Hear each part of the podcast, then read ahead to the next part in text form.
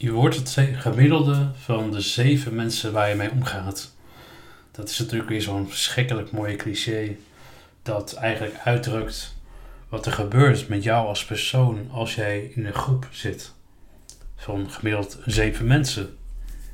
Maar het kan natuurlijk ook een groep zijn van twee of drie mensen.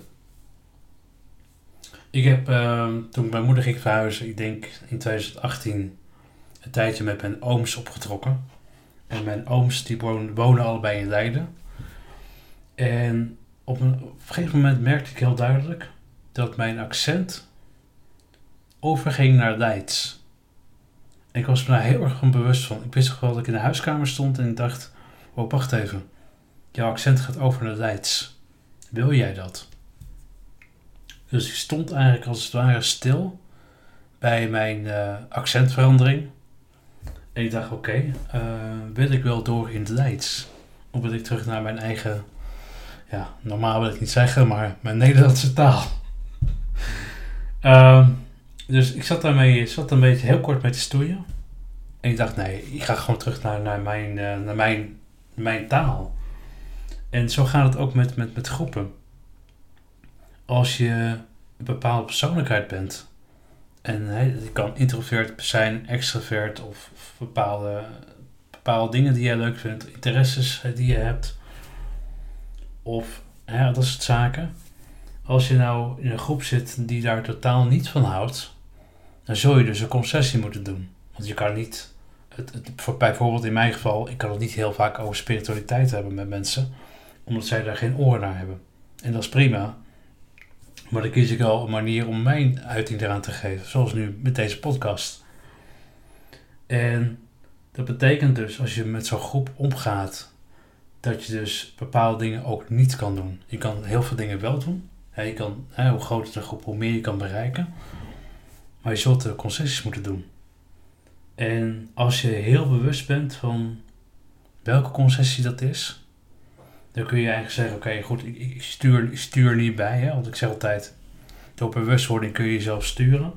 Ik stuur nu bij omdat de groep het wil. Maar daarna stuur ik weer terug naar wat ik wil. En dat is ook vaak zo wat er gebeurt. Vaak is dan de vraag van, kun jij jezelf wel bewust bij jezelf blijven? En zo ja, wil je dat? Het kan best zijn dat je eigenlijk uh, veel fijner vindt en makkelijker vindt om je te conformeren aan die groep waar je in zit. Dus dat je de regels in acht neemt zoals die in een groep zitten. Terwijl je eigenlijk diep in je hart kijkt dat je liever naar jezelf gaat, dat je zelf teruggaat. En afgelopen jaren, afgelopen anderhalf jaar, hè, coronatijd, het heeft denk ik ook voor veel mensen een, een deur geopend. Als je kijkt naar, hé, hey, maar wacht even, er gebeurt heel veel buitenaf. Wat ik misschien helemaal niet leuk vind, of ik word geleefd. En waardoor ik een ander mens word.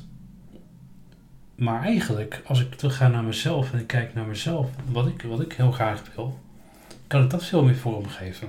En het mooie is van, van dit soort dingen dat je heel goed, heel goed kunt zien eigenlijk waar mensen vandaan komen.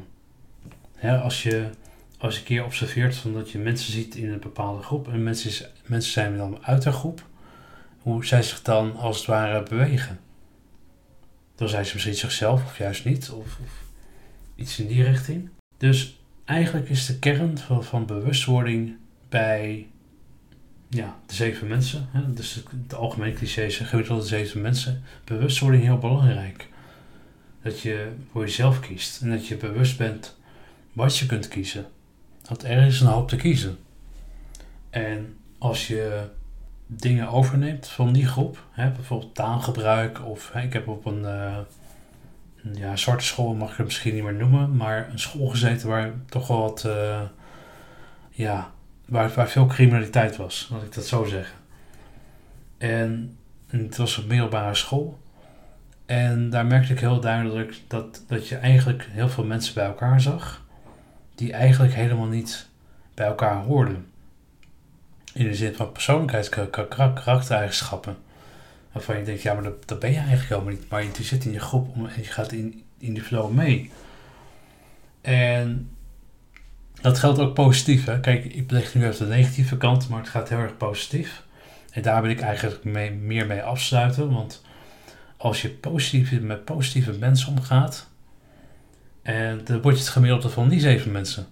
Hoe gaaf is dat? Eigenlijk hoef je daar helemaal niks voor te doen. Je kan gewoon zeggen, oké, ik ga met die mensen om. En alle positiviteit die kun je allemaal meenemen. En je wordt daar weer het gemiddelde van.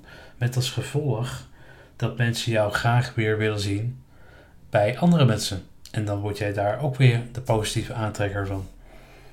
En dat, dat is heel gaaf. En ik vind het eigenlijk, eigenlijk als ik het heel erg objectief bekijk en heel erg als, als observante.